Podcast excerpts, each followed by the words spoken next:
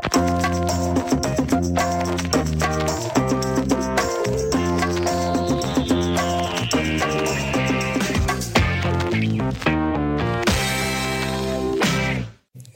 på alla sätt och vis. Vi säger varmt välkomna till Eurotalk. Äntligen måndag igen och eh, Christian Borell eh, ser ut och låter som att du är på väldigt bra humör. Ja, men det var bra. Hade trevligt igår. Arja Piccola var en väldigt fin Arja Piccola. Bra italiensk fotboll såklart. Mm. Väldigt trevliga människor där. Vilken trematch Extra visade ni? bra mat. Vi visade eh, Samp, Samp Fiorentina. Den var fin. Den var fin. Ja, det var bra. Själv var ju lite så här het på tår och under Mats Sarri. Men vad fan, man får krypa till korset och, och Den såg jag lite I rest också. my case helt enkelt. Det var ju en väldigt fin match och, och, och Quagliarella, vad fan ska man säga? Vackert. Strålande. Ja, det var vackert. Det var en bra Napoli-dag helt enkelt. En Ja, men, eller hur? Quagliarella är från Neapel. eh, precis, precis. Sorry, jag outar det här kanske. Nej, det, det är OK. Martin är ofta ganska tidig med en liksom, snedspark mot Noah. Snabbare fil. Ja, Men det är bra att man vaknar. ja. eh, precis. Hur är läget med Noah? Bra, ja, nu är jag vaken. Ja. Ja, precis. Det var bättre innan, men ja, precis. det blev bra Nu nu. lite ont på kinden. Ja. Och Martin eh, har klagat över att det är lite kallt här i studion. Ja, det är ju väldigt kallt. Ja, jag håller med. Är inte det också en åldersgrej, att man börjar klaga mer på temperaturen när man blir äldre? Ja, jag gör det ofta. Ja, absolut, det håller jag med om. Det är, det, jag tror att det har med ålder Fast det är tvärtom, att det är värmen stör mer när man äldre. Jag vet inte. Man fryser väl lättare när man rent generellt är det väl... Är, är Borde vara tvärtom, man lägger på sig störande så borde man frysa mindre. Jag tycker alltid föräldrar och alla, all, andra vuxna så här, går runt och säger är det inte lite kallt här? Går och känner på elementen och ber hotellpersonalen komma in och säga är inte det här rummet lite kallt? Jag gör ju det hemma. Jag känner inte igen något av det här om. Men det är för att jag har kallt hemma. Så att... Nåväl. Ehm, Sover man bättre? Betalar du din egen uppvärmning separat eller? alltså jag, Du betal... bor i hyresrätt så ja, du så gör jag det. betalar inte för värmen väl. Det är väl bara elen. Okej, ja. Ja. Väl? Men det är fönstren som drar. Det är en Ska summa som ut åker in varje ja, månad. exakt. Typiskt hyresrätt-grej. Att då är dåligt, dåligt Det tog ett tag. Som en jävla sen- kloppbacklinje eller? Ja, det drar drar, ordentligt. jag. det, det känns som man ska flyga ut ur den här lägenheten när som helst. Speciellt när det var nästan storm förra veckan. Eh, apropå äldre spelare då, Quagliarella, så um, har ju Ronaldinho då eh, lagt skorna på hyllan. Man kanske hade lite...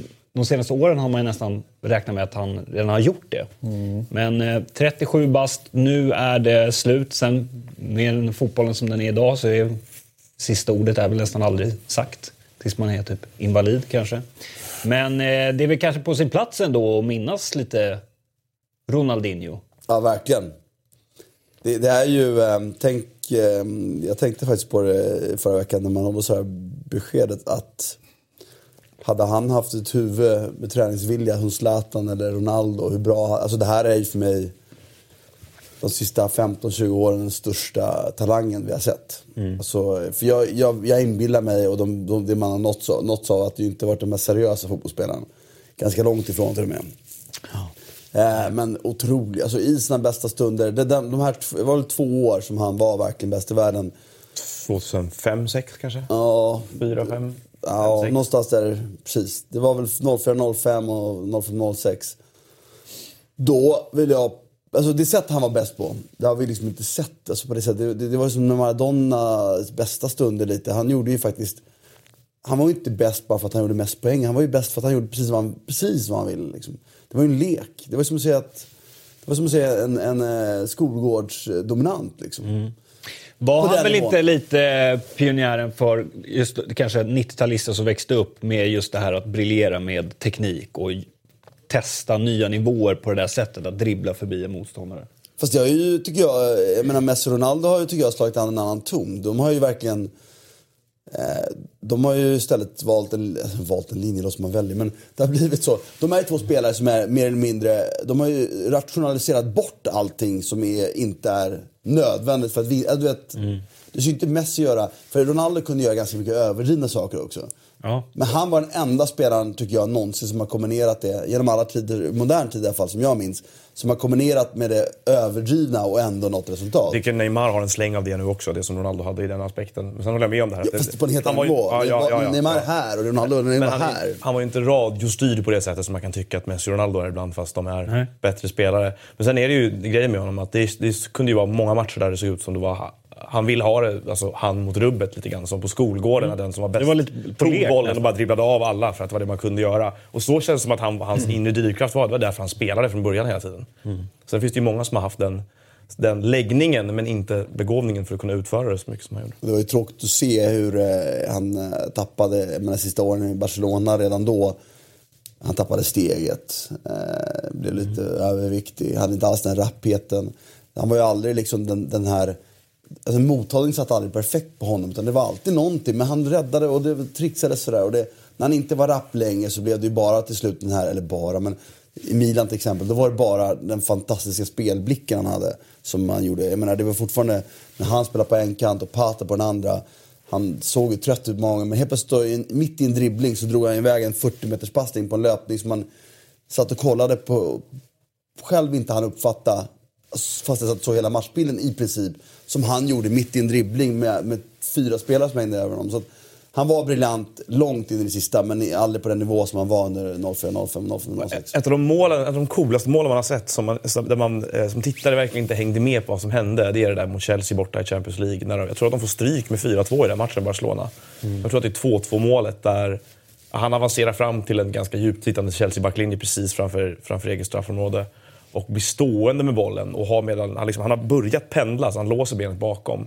Och sen så alltså, hela, står hela bilden stilla om man väntar på en rörelse. Men innan, utan man fattar det så har han skjutit. Om det, var en, en, om det är en tåpaj eller en yttersida, jag kommer inte ihåg. Men som bara är, den ligger bara bakom Peter Cech i mål. Så här. Och man, ja, men som tittare kommer man kunna följa skeendet på något sätt. Där var det som att, ja, men, som att bilden hackade för bollen Ja, plötsligt. det var ju ofta det var mycket så här no look pass och... Eh, Ryggen och helt plötsligt bara tog en rygg. Äh, Det var ju så, det var en show. Jag menar det tyckte jag, jag har många andra som jag minns, eh, 10-15 mål jag minns som är större än det där för mig. Men det får man alltid tycka olika. Men ett exempel ett mot, mot Milan när de mötte, då var Milan fortfarande väldigt bra med Maldini och Nesta som så mittbackar. När han gör eh, liksom, en avgörande match i Champions League, när han skottfinten och så drar han en vänster i ena krysset. Och, den här han, mot Atletico Bilbao är det väl, när han tar med bröstet, lyfter över och så en bisse på andra sidan. i- Liksom i moment. Alltså, nej, det var otroliga mål. Den där Zaragoza när de kastar utkast, får den på egen planhalva. Springer i full fart, dribblar två och så bara pang! Innan, innan, Mm. du vet, Vilket, vilket var, Sjuka när gjorde det där? De bicicleta med fel fot en gång, kommer? När han gick upp, när man är van vid att man saxar med... med så han, var det mot Bilbao kanske också? Samma mål. Fel fot. Jag, jag tänkte han har ju något frisparksmål mot. England också som... Eh, Ja, men där, då trodde jag att det var misslyckat. att det var ett inlägg. ja. Men efterhand har man börjat Ja. inse att det kanske inte alls var det. Nej. Liksom, med Han på vad nog mot gjorde krysset. Sen, liksom. Ja.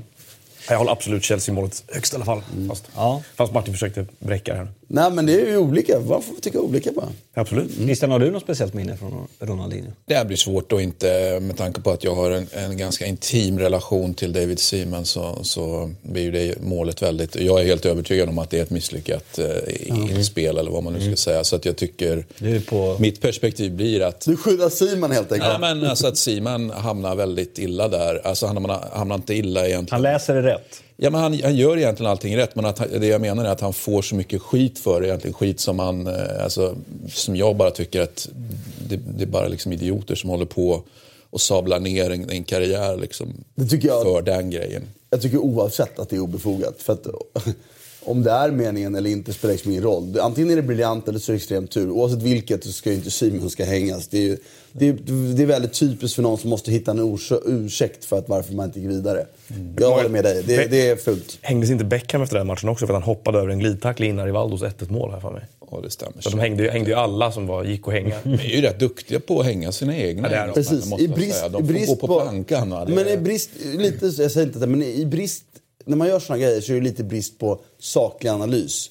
När man inte har någonting att komma med och det, strider mot, man har, man har målat upp en bild att man är bäst och man faktiskt inte är det. När allting inte stämmer då, man, och det finns ingen analys att ta till, då måste man sabla ner någon. Och Det är det, samma sak som Sterling som efter EM 2016 nu. Att det skulle handla om att han vara bortskämd och tjäna för mycket pengar för att kämpa för England eller sånt där. Typ. Så, Ja, det- det är så- helhetsanalysen uteblir ju Så liksom. en Då icke-analys. får de ju spela med bara League 2-lirare. Ja. Är det inte det de gör? Det Ibland han kommer ihåg hur det är i verkliga livet. Ja. Eh, vi ska, ska säga det också, att han är ju på väg in i brasiliansk politik nu, Ronaldinho, verkar det som här. Eh, och kandiderar för Jair Bolsonaro, en gammal amiral där eh, i Brasilien som Låter inte så bra. har stått för en del riktigt sunkiga uttalanden genom åren. Och Ronaldinho blev väldigt eh, hårt ansatt för att han poserade med den här Bolsonaro, hans, hans självbiografi, någon bok han har skrivit nyligen. Och gjorde tummen upp och har mer eller mindre, tror jag informellt då, eh, givit inte någon det sorts standard ändå? Liksom? Finns Han- det någon bild när Ronaldinho inte gör tummen upp? Och... Förvisso, förvisso det, kan, det kan man vara förmildrande. Men äh, den här Bolsonaro låter inte så kul om man läser vad han har sagt om Nej. människor med olika hudfärger och kvinnor och annat. Men vem, vem förväntar sig att han ska gå rätt i, i, i, politiskt? Eh, inte, inte jag i alla fall. Jag tycker det känns som det har funnits en ganska stark så här, politisk eh, agenda från många brasilianska fotbollsspelare som har gjort saker och sagt saker och tagit ställning till höger och vänster. Men de har verkligen landat här överallt över hela den brasilianska politiska kartan. Som för övrigt är helt vansinnig. Men, men eh, så är det i alla fall. Det är där vi kommer att se honom Håll dig borta från politik är ju det politiskt rätta beslutet. Det är det du tänker? Ja, alltså, jag, jag, jag för en viss typ av, av personer i alla fall. Jag tycker det, Ja, men det, för Ronaldinho. för Ronaldinho, absolut. Det känns inte som att han har... Det känns som att han kommer vara Han lite... ska le- vara en Unicef-ambassadör. Det Ja, lite... men han är ju lealös liksom. Han har ju hållit på med... Det är ju hans bror som har rattat hela den karriären och det känslan man har är ju att har egentligen Ronaldinho velat göra alla de här grejerna Nej. som storebror, för det är väl storebror, har kommit på ska hända. Så att jag tycker han känns som en, en liten nickedocka faktiskt. det, och det ska man väl också säga, vilket vi alla vet om, men det kanske betonar. Han var ju faktiskt också den leende fotbollsspelaren. I, i en tid, tid där det hade varit förståeligt som han blev ansatt, till exempel mot Chelsea. De, de gjorde ju allt vad de kunde som inte var schysst. Sparka sönder honom. Ja, men att, hur han ändå tog det på ett väldigt bra sätt, det, det är... Därför, Unicef-ambassadör. väl, det där var ett, det var ett, det var ett naturligt leende. Det var inte ett påklistrat Nej. heller. Det man skulle kunna få för sig. Men min Jag håller absoluta känsla är att det var bara ren och skär glädje. Och det är ju alltid vackert att, håller konstatera det. Så Henrik Larsson, du har fått spela med en av de stora legendarerna. Ja, En av de gladaste och en av de suraste. Precis. Möter varandra där. Fast de funkar bra ihop. Ja, verkligen. Henke Julie. Opposites attract, vet du. Eh, ska vi ta en titt på hur det gick i Europatipset för panelen? Eh, Det var ju... Det var en svår rad. Vad fan, den var lurig. söndag. Fem rätt på Gusten. Fan vad det går bra för David. David är het just nu. Han sätter många såna här konstiga specialgrejer också. Det är imponerande. Snyggt att få med eh, halvgarderingen på Spurs där. Mm, verkligen. Och singelkrysset blev rätt.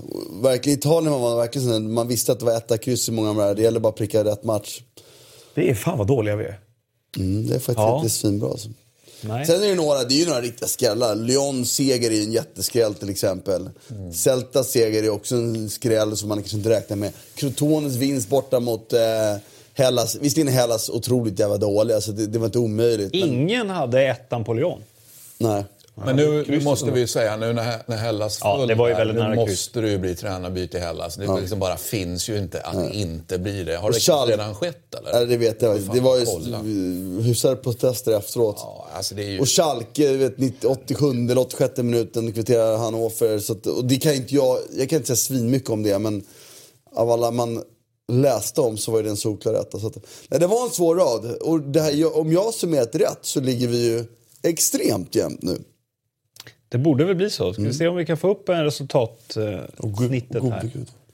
Ja, eh, Martin och Gusten på... Ja, David Polik. kan inte ha 190, det är omöjligt. Och David också. Jo, det kan han. Nej, för jag låg fan tre eller fyra för honom. För några, ja, skitsamma. Man får kontrollräkna där sen. Men David är på gång. Kul! Spännande Yes. att det är så tajt. Och Gustens form är, är ju... Om din är dålig Noah så är Gusten är- Gustens är ju Han är out. Ja. 16 rätt på tre rader.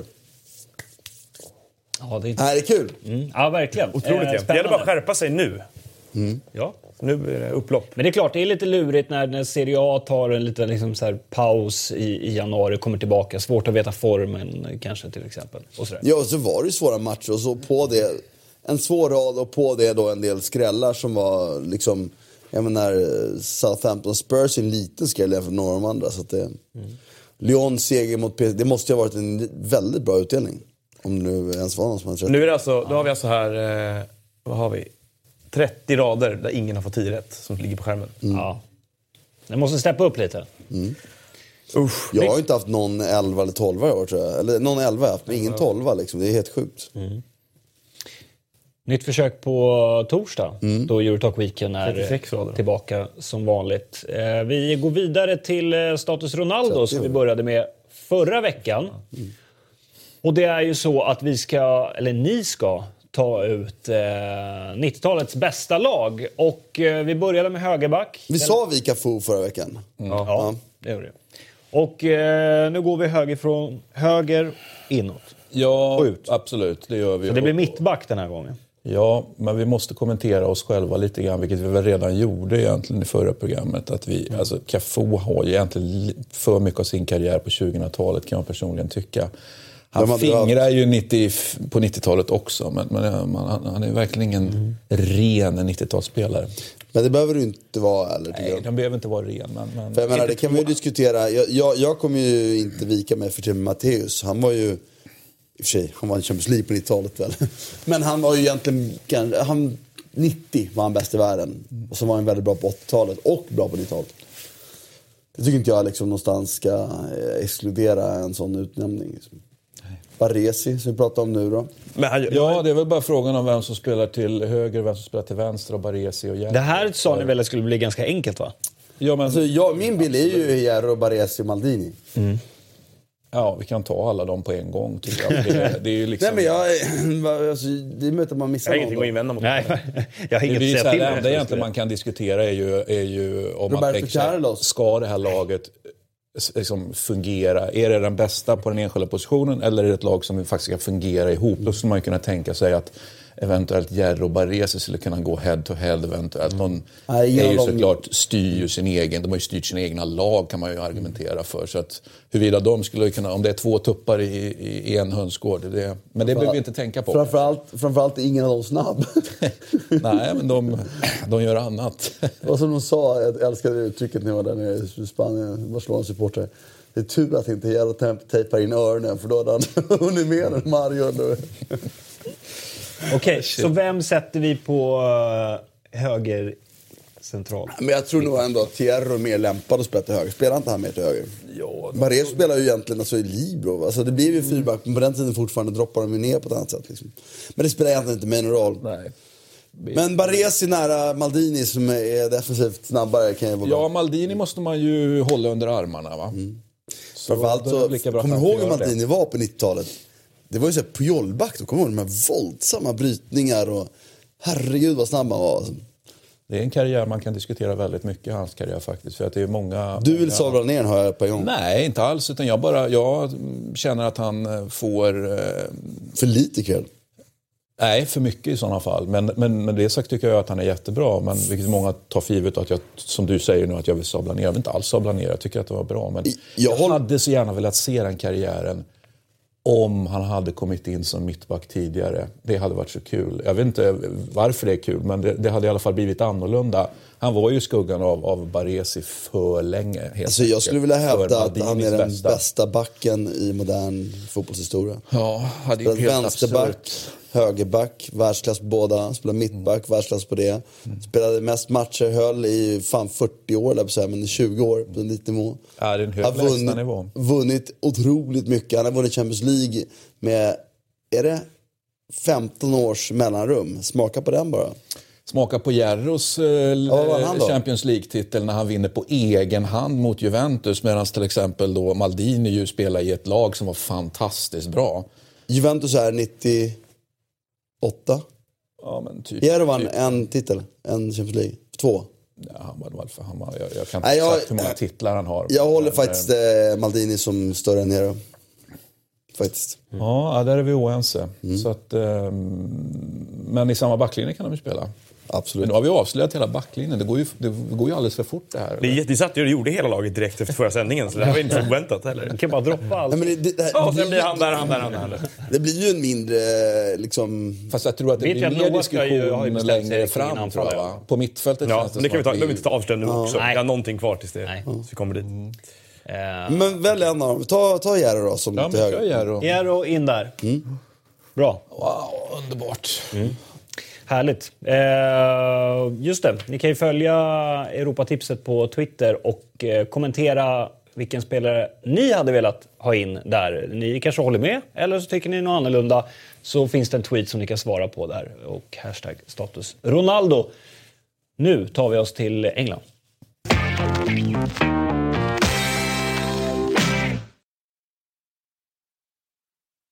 Asoro gjorde mål för Sunderland. Noah. Mm.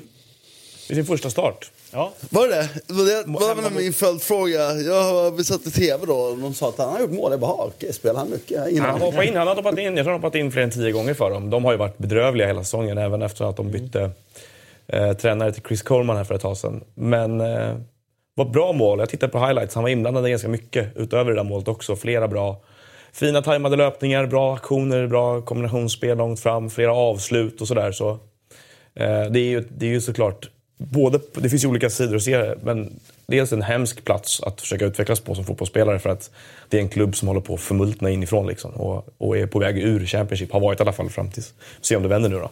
Det är väldigt tajt i botten på Championship. Ehm, och den miljön kanske är väldigt ansträngd då och väldigt sådär, det finns inget tålamod med unga spelares utveckling och så. Samtidigt så kan, så kan det vara skönt för honom för att han har allt att vinna här. Menar, han kan bara överraska positivt. Han kommer inte lastas för om det inte Nej. funkar och sådär. Så start och mål direkt då när de vann. De har ju inte vunnit en hemmamatch. Ja, de har vunnit en eller två hemmamatcher på det senaste ett och ett halvt året. Sunderland. Så nu vann de hemma mot Hull. Men det är en intressant diskussion där. Det, det är ju liksom... Han är en av de här... Alltså fyra riktigt stora supertalangerna, alltså med 99 allihopa. Eh, där han, Isak, Svanberg och Haksabanovic är de fyra fram. Det finns fler, den kullen är ju väldigt, väldigt bra liksom. Men de fyra, där man pratar lite om att Isak får få lite speltid. Då är ändå Isak ett världslag. Och nu så, Asoro, alltså, jag vet inte vem han har nu som agent. Jag kanske borde kunna på rak arm. Chettinkai tror jag. Jag tror det. Jag skulle gissa på Per Jonsson annars. Nej, det är, han, bytte till Chettinkai. Ah, okej. Han flyttade. Har jag hört. Och det kan vara bra tror jag. För att Hassan är duktig på att flytta spelarna. eh, Och ha lite power där. För det är det, jag är inne på din linje. Du ska inte vara i Championship med... Visserligen har han egenskaper som är väldigt bra för att testa sina fysiska förhållanden. Han är ju extremt snabb och, och duktig en mot en och sådär. Men det är klart att han borde... Jag, jag skulle, om jag hade varit hans rådgivare, flyttat honom till en annan liga direkt. Men han, jag tycker han har gjort det bra på ett sätt redan därför att de här klubbarna där uppe eh, har haft väldigt svårt att hänga med. De har producerat ganska lite spelare för sina akademier under ganska lång tid. Det gäller både Newcastle och, och Sunderland, inte Middlesbrough. Eh, men Asoro satt ju alltså på bänken i Premier League för dem flera gånger redan när de var på väg ur då under David Moyes. Så under flera olika tränare har han kommit nära A-laget fast han bara är 18 år. Så att någonting i honom tycker de ju sig värdera ganska högt då. Så att, eh, att han får visa upp sig nu och göra mål och sådär. Jag, jag skulle inte räkna med att han flyttar nu i januari. Framförallt om han, om han börjar få spela lite grann nu. Så att det är bra för honom A-lagsfotboll. Men ja, bra han- grej i alla fall. Att Han tycker han borde göra det. Och det borde han göra det nu på en gång så att de inte tappar det. Och det är liksom en... Man ska vara en miljö, antingen ska man spela ordinarie eller ska man vara en miljö som har erkänt bra utvecklingsmöjligheter och han har inget av det. Och Nej. det är inte bra. Eh, där Isak då, när man diskuterar, han är ju ändå i en miljö där jag vill påstå är grymma utvecklingsmöjligheter. Sen kan det bli en fråga för honom i sommar om han inte spelar mer än vad han gjort under det här året. Nu verkar ju tendensen tillfället vara bättre för honom spelmässigt. Och det ser ju fan jävligt bra ut vad han gör också. Men eh, om det nu är så att han inte är sommar, då, då måste han också fundera på det. Precis som att vi tror ju nu att Svanbergs lyft kommer ju. Han kommer ju spela i Malmö nu. Eh, och där är ju alltså, alla de här, alltså Haksabanovic, det är ju... Vi vill inte se dem förmultna i Sunderland i Championship med, med utvecklingsmöjligheter Nej, typ om de- nära noll. Liksom. Om de åker ur, vilket de mycket väl kan göra fortfarande, då är det ju, då är det ju no-brainer. Då måste han ju bort. Han kan inte spela League One liksom, med dem. Men jag håller med Martin att det som är grejen är att om du inte får ordinarie speltid i de där åren, då är det viktigt att vara i en klubb som till exempel Isak har valt i Dortmund, där du vet att det finns någonting att marineras i utvecklingsmässigt bakgrunden, även om du spelar matcher. Liksom. Här har jag väldigt svårt att se med tanke på vad den generella trenden är för alla som nuddar Sunderland, vilket gör typ att man förkolnar. Att- Samtidigt då, bara för att ändra på, lyckas han där så då har han han bra lyckas. potential lyckas överallt. Och det är min poäng med var att han har faktiskt Men jag- jag nära A-laget trots att det gått dåligt. Jag skulle inte ta den, eh, om jag hade varit rådgivare till honom hade jag aldrig, liksom, det, det är ju att gambla med en, med en potential som kan förmultna istället. Så att det, jag skulle flytta på honom. Jag förstår att han tjänar väldigt bra pengar där och det är svårt att flytta honom därifrån. Han, men- höll ett väldigt, han gav ett väldigt kärleksfullt uttalande till både klubb och supportrar och alla andra efter det här målet igår. Så att det lät som att han han, han, det, fallet är rätt högt nu för honom om han sticker. Jag vill säga, han kan inte bli så omtyckt då. När det gäller Premier League så uh, kom det lite som en bomb för mig i alla fall att Watford sparkar uh, Silva efter uh, en uh, mindre bra Eh, period och man skriver då i sitt officiella statement att eh, det här att en konkurrent har närmat sig Silva har stört så mycket i kombination med de dåliga resultaten att vi sparkar. Och det var ju Everton som var och nosade och la bud för att plocka över Silva, men det gick ju inte. Eh, men nu väljer man i alla fall att kicka honom och det är väl, jag har uppfattat det när jag skannat av lite så på forum och på sociala medier, lite delad läger i bland Watford-supporten. Det menar med till exempel Rikardisson drog den här tweeten när det här kom ut. Eh, Han var ju en av få spelare som Silva på e helt eget bevåg fick plocka dit. Mm. Rätt många andra värvades av han har inte heller varit... Eh, han var ju fantastisk här under, under hösten och in mot vintern också, men har ju gått ner sig lite. Alltså, allting vänder ju i samband med det där. Det är ju så. Alltså, det, och det kan ju de skylla på. Det kan Silva skylla, alla kan skylla på att Everton kom in med, de här, mm. med det här budet på honom. Men deras form fram till det, det ögonblicket i säsongen var ju faktiskt lysande. Sen, sen efter det så är det ju det här resultatraden de har visat upp efteråt, den är ju brutalt dålig. Liksom. Och de är ju på riktigt indragna nu tillsammans med alla andra lag på underhalvan i, i en sorts bottenstrid.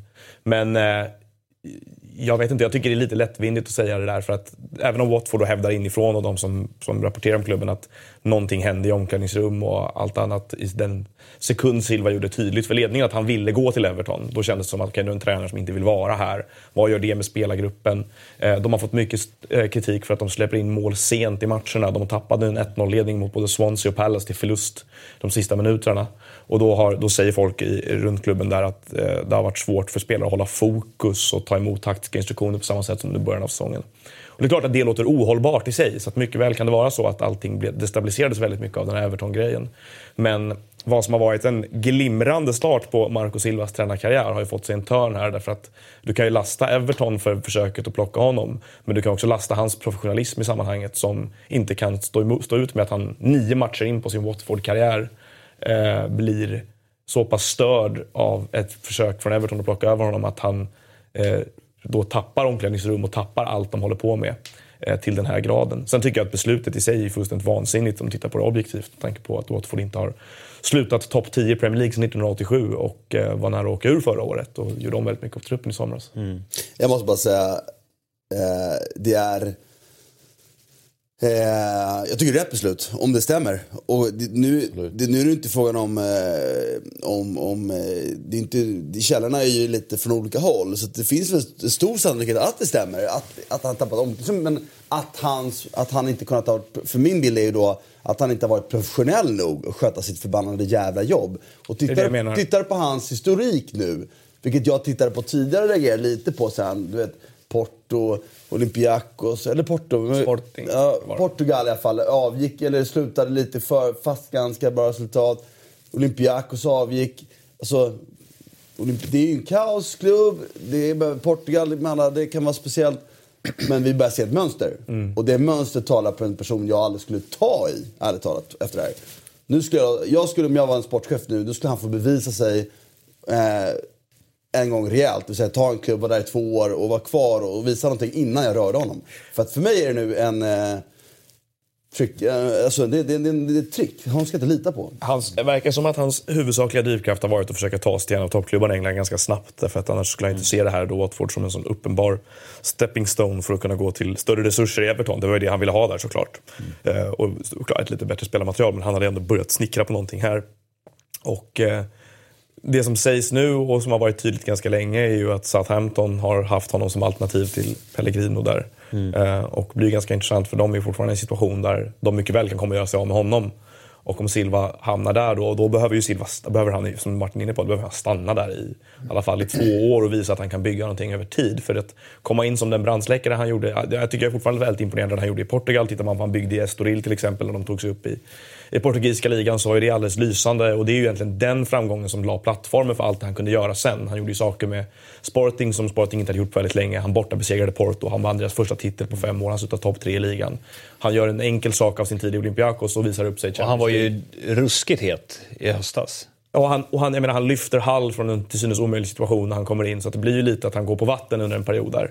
Men då kan man fråga sig också vad som har påverkat vad där. Om han har blivit, gått på myten om sig själv lite grann i, i sin, i sin överambition att liksom, jag måste till Everton direkt. Allt det, här. Jag, det var ju väldigt ängsligt gjort av honom att vilja lämna Watford efter nio matcher. Det är ju liksom, det är lite, det är lite ofint, det är lite ofint skulle jag säga nästan. Och, och det här ägarfamiljen i fråga här, det vill säga Pozzo har ju faktiskt varit ute för det här tidigare i Udinese. Det finns ju en, en direkt förlöpare, men där tränaren i fråga gick mycket tidigare. Men det handlar om att tränaren som var Guidolin i det fallet, som flörtade för mycket med, med, jag vill minnas att det var Real Betis på då, så vi är alltså tillbaka på, på slutet på 90-talet, men det är lik förbannat samma ägare. Och en för tydlig flört med en annan klubb och då, då kapar de. Eh, I det fallet mycket snabbare än vad de kapade här. Det här tog det ju x antal omgångar till. Då, men jag tycker det låter helt absurt. Alltså, hur, hur, kan man tro att du kan, att du kan träna kvar eh, när du, dina spelare fattar att du inte vill vara där? Det är klart att alla de förstår att tänk om han fick en stor klubb. Jag menar, det är en annan grej. Det borde, alla fattar det borde kunna vända sin drivkraft. Sen är det ju tre saker man tänker på. Hur är ledarskapet? Eh, för att jag, liksom, eller det första man säger, hur, hur är professionalismen? Den verkar, antingen är den ju helt under ytan och då är det ju en, ett avskräde till människa. Då ska man inte ta sånt.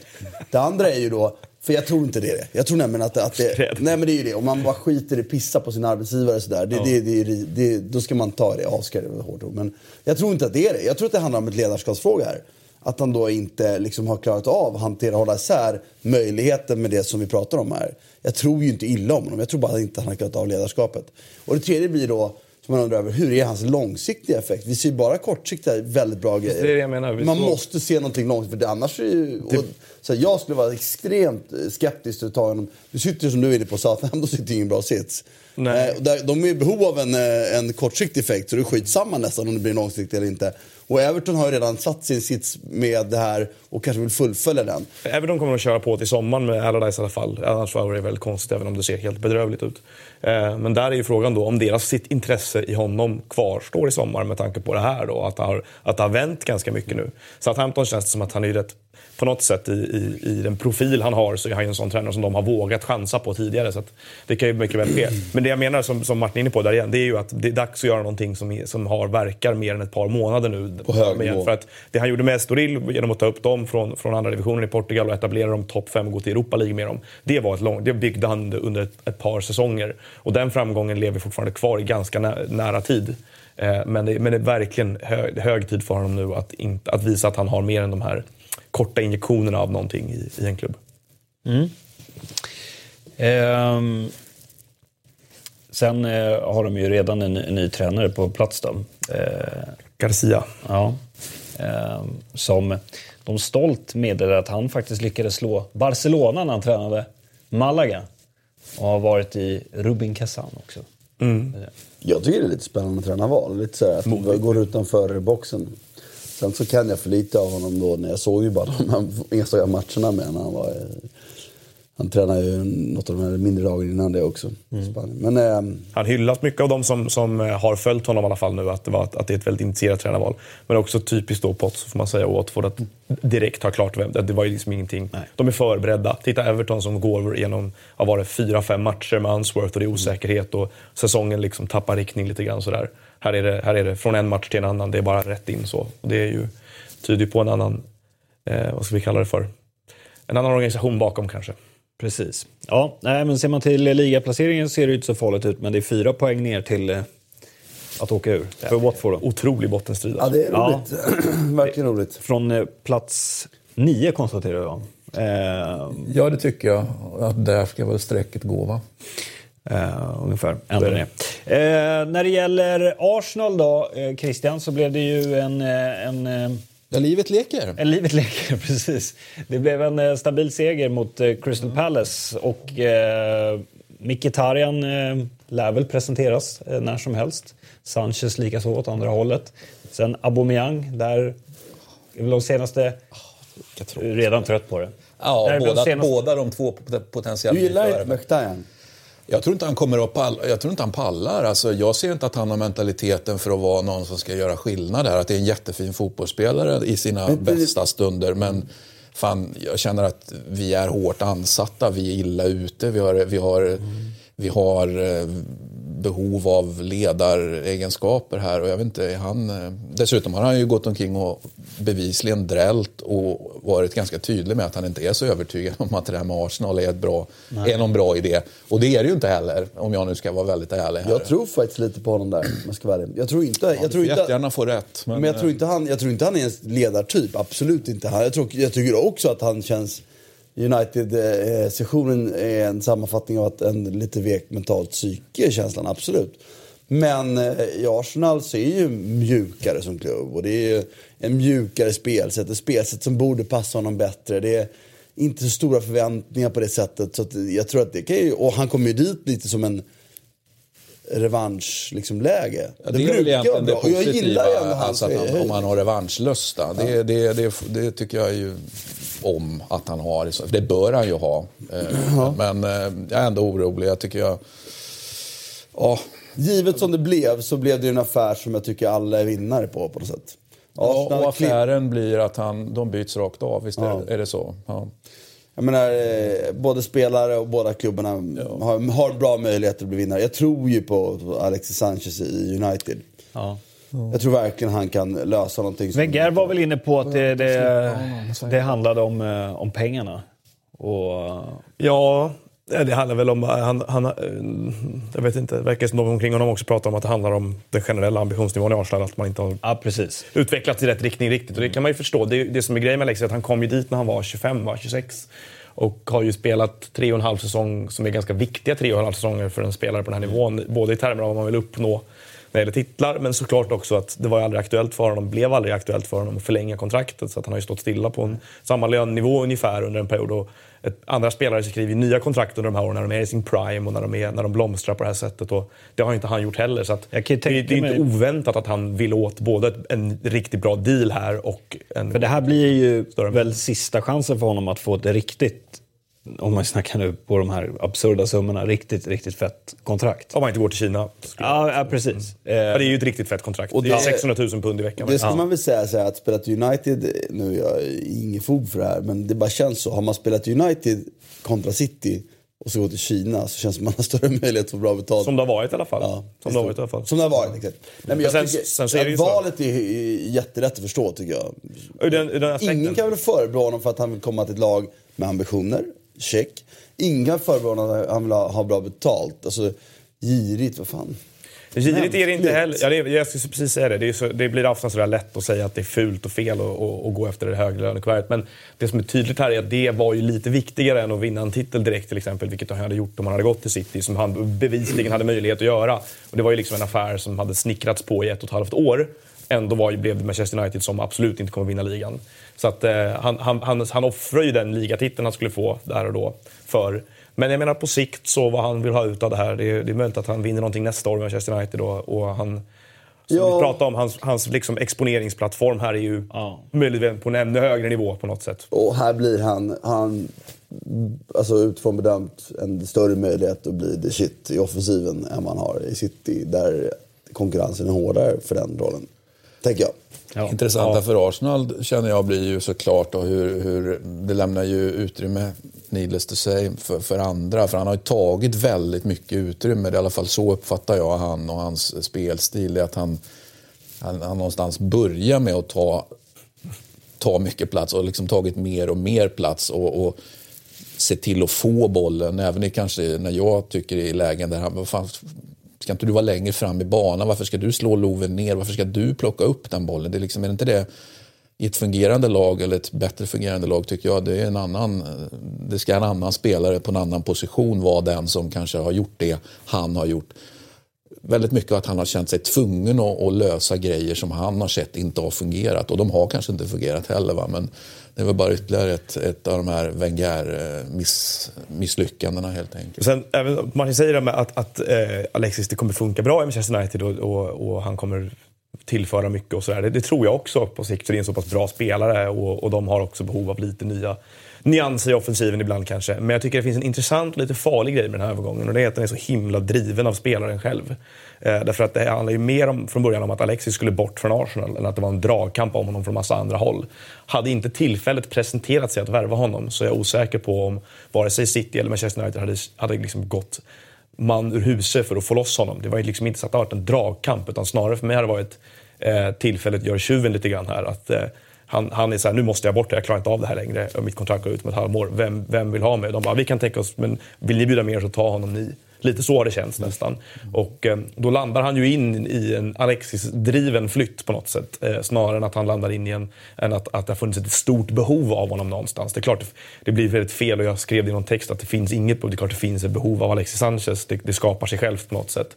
Men det har inte varit så att eh, de här lagen har gått på knäna utan honom och bara vi måste hitta på, vi måste ha honom. Utan det är verkligen han som, han rymmer hemifrån, han ska bort från Arsenal här liksom. Alltså jag kan ju hålla med om att det är grunden till det. Eh, även om jag inte alls är säker på att det är så. Eh, så, så eh, jag tror både City och United kan ha velat ha dem länge, det vet vi inte. Men jag tycker i sådana fall, om det nu är som du säger Noah, så tycker jag att då har han ju fallit rätt ändå. För vadå, behovet för honom är ju enormt United. Det finns ju inget annat lag i Premier League som har det behovet av en kreativ spelare i sista tredjedelen. Jag tycker det, men det handlar mer om tränaren alla- än spelarmaterialet egentligen. Jag är inte säker på att han löser alla Mourinhos brister där framme. Nej, men han löser en brist och det är att de, har sp- de, de skapar inte chans i sista tredjedelen. Han gör ju det. Det finns ingen i det laget som kommer vara lika bra att skapa chans i sista tredjedelen. Nej, det och det finns inte så många spelare i världen att plocka då. Så på sätt och vis då landar han in väldigt bra. Sen kan man ju Det önska... bättre att byta tränare. istället. Ja, exakt. Kan man ju önska att, att, liksom, att, det hade- att de hade jobbat med spelmönster istället. Då kanske behovet av honom inte var lika stor. Men Men det är med min poäng. givet det där med nu så tror jag att, jag tror att det här blir tyvärr Han kompenserar för det. United. Eh, ja, lite kort då bara. Eh, Walcott lämnar eh, Arsenal också. Alla lämnar Everton. Arsenal. Ja. Det är ju så. Gör du också det? Rått, nej, nej. Alltså, råttorna lämnar ju skeppet. Så är det, det, är- det är ju ont i hjärtat sakta men säkert. Man tittar på de här, om man nu, nu är inte han en 100% egen produkt, men han har ändå varit sedan i unga år i Arsenal. Och liksom, de, sakta men säkert så lämnar de ju nu, eller har lämnat en efter en efter en. En har kommit tillbaka, Jack Wilshere. Det är ju eh, enormt glädjande i allt annat jävla skit Faktiskt, och det ska man härj. inte glömma bort. Det är Nej, men det är ju så här, han, han är ju... Det är ju så bland de unga spelarna så finns det ju ingen som står så högt i kurs som Jack Wilshere. Liksom, vi älskar Jack Wilshere. Så är det. Ja, men alla Arsenal. Ja, ja, han gillar ju festa och Så. Ja, men alltså, eller, eller så gör han inte det, utan han har haft liksom oflyt. Och, och bara det att han är på väg tillbaka nu och ser liksom, Nu skadade han sig igen va helgen? Det? bra ut. Alltså det, det, jag i alla fall hade nästan räknat bort honom. Alltså jag tänkte att okej, nu när han var utlånad och jag trodde jag hade sett det sista av honom i en Arsenal-tröja. Alltså bara det att han har en Arsenal-tröja på sig och, och tar plats. Och, det gör mig faktiskt positiv inför, inför någon slags framtid, hur konstigt den låter. Ja, men, och jag tänker så här, Wilshire, Ramsey, Xhaka är ju en bättre balans på mittfält och spela med då Özil där framme än att spela med, liksom, med hela den här raddan av offensiva spelare. Så det finns ju någonting som kan bli... De kommer tappa lite spets med, med Sanchez, men eh, de får en bättre balans potentiellt sett. Nu kanske han Wenger väljer att spela Iwobi istället och så håller kvar med den här... Ja, Wobi var dåliga- bra i dåliga balansen med eh, sämre spelare. Det, det är klart, den risken finns ju. Ja. Det är många risker. Tottenham, bara 1-1. Helgen. Utan Eriksen, utan idéer, Dele Alli Framförallt, fortsatt ur form. utan, utan Eriksen. Alltså. Det var, Som blev eh, sjuk va? ja, men det var ju Ja. det var den stora grejen för mig. Att de inte kunde få kontroll på, på någonting. Har ni hört någonting om något speltjafs? Från, eh, jag, jag blev kontaktad av folk som har sett på- dagen hade fått tips om att den här matchen kommer sluta oavgjort, målen görs första halvlek. Från Kina. Ja, nej, ingen Så jag tror att det fanns... Ja. Sådana misstankar. Mm, det verkar vara märkligt att en sån stor match med Ja, det känns- Det var ju ganska... Det var, fanns ju ändå en rätt bra läge för Tottenham på slutet där. Eh, och, Ja, väldigt svårt att se framför mig skulle vara det. Men eh, jag tyckte inte matchens karaktär var så heller.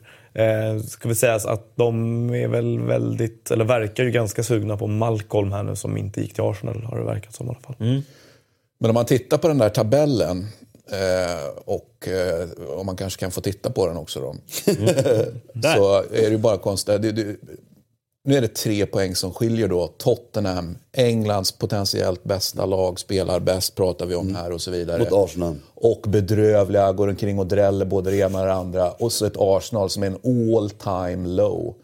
Eh, då är det ju ändå dråpligt att det är tre poäng som Jag skiljer. med. Några som är på en sån eh, spelmässig nivå. Eh, sen kan vi tolka den exakt.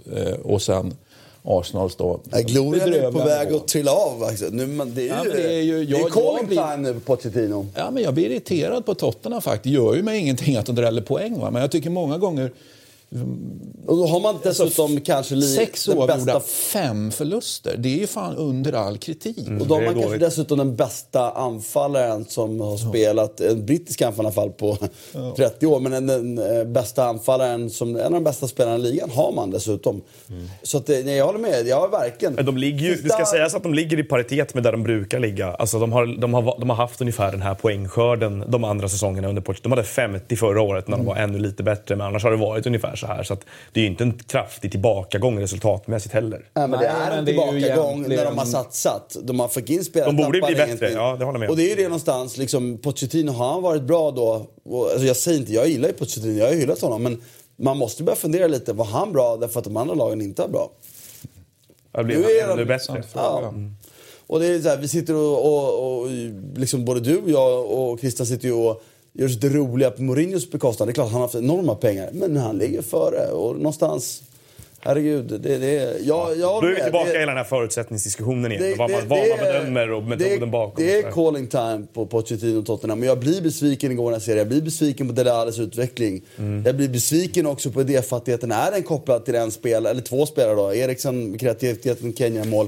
Då har han en brist i sin, sin tränargärning och- som han måste lära sig. Och framförallt deras, deras Fortfarande bra, absolut. Men vi, vänt- bra var inte det vi pratade om. Vi pratade inte om att Pochettino var bra. Vi pratade om att Pochettino var bäst.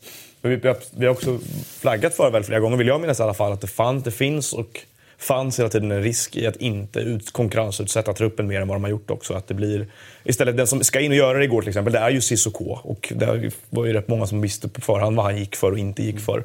Eh, och att de har varit ganska ovilliga att du vet, stoppa in ett nyförvärv som konkurrerar med en spelare som lika gärna kan utveckla själva. Om det nu är Winks som spelar istället för någon annan och sådär. Och det, har, det hyllas alltid i perioder när det går bra, men sen så blir det lätt så att man tycker att när det inte ser lika bra ut, att men varför har ni inte gjort någonting här istället?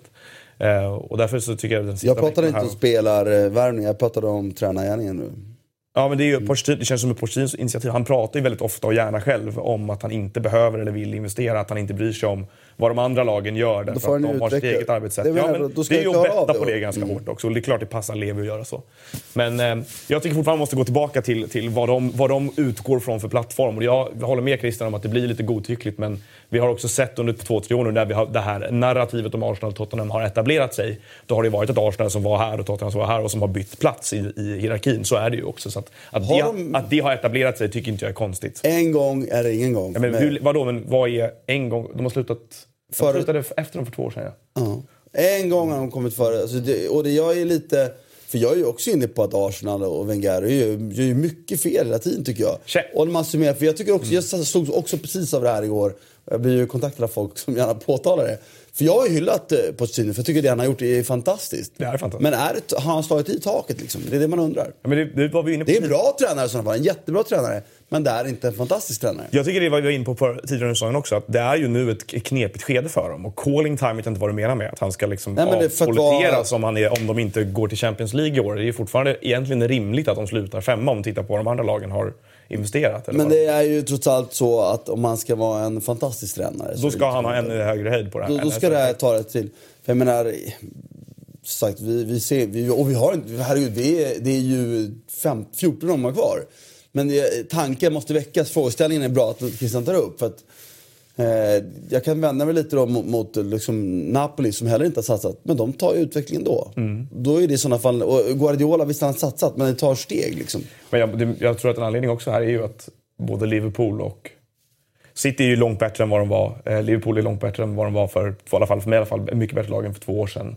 Eh, Chelsea har inte gått igenom sin standard eh, liksom, dropp på det sättet som man är van vid att de gör heller. Manchester United har investerat jättetungt och eh, presterar. Så att det är ju inte heller en, en liksom, som du sa, det är lättare att göra skillnad i den i den delen av tabellen om inte de andra lagen är spelmässigt optimerade på det sättet som de är i större grad nu än de var för två år sedan heller tycker jag. Absolut. Då syns ju inte liksom framstegen på samma sätt heller. För att man ska fortfarande komma ihåg, tycker jag, att många av de spelare som vi nu har vant oss vid att de är högpresterande och väldigt, väldigt bra spelare, högkaliberspelare i Premier League i Tottenham. Det var spelare vars karriärer var på väg att mynna ut i Championship-lån och grejer innan Pochettino egentligen restaurerade deras rykten ganska mycket tycker jag. Ja. Vi tar oss vidare till eh, Italien.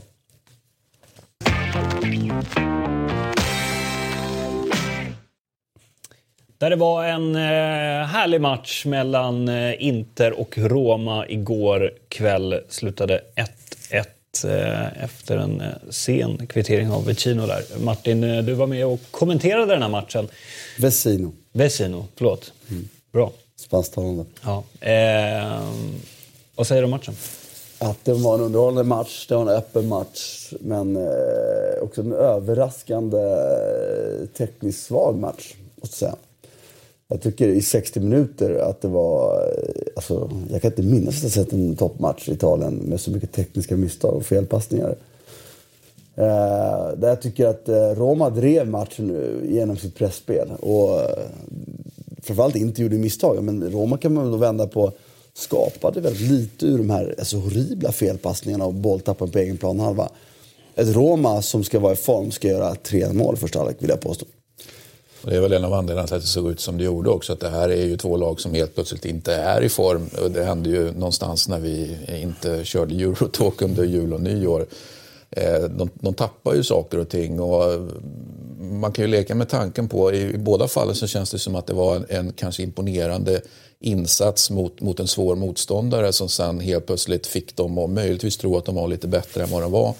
I Romas fall så kanske var liksom det otroligt fina spelet i Champions League eh, och sen helt plötsligt i något läge så börjar man liksom gå ut för efter att man var klara där.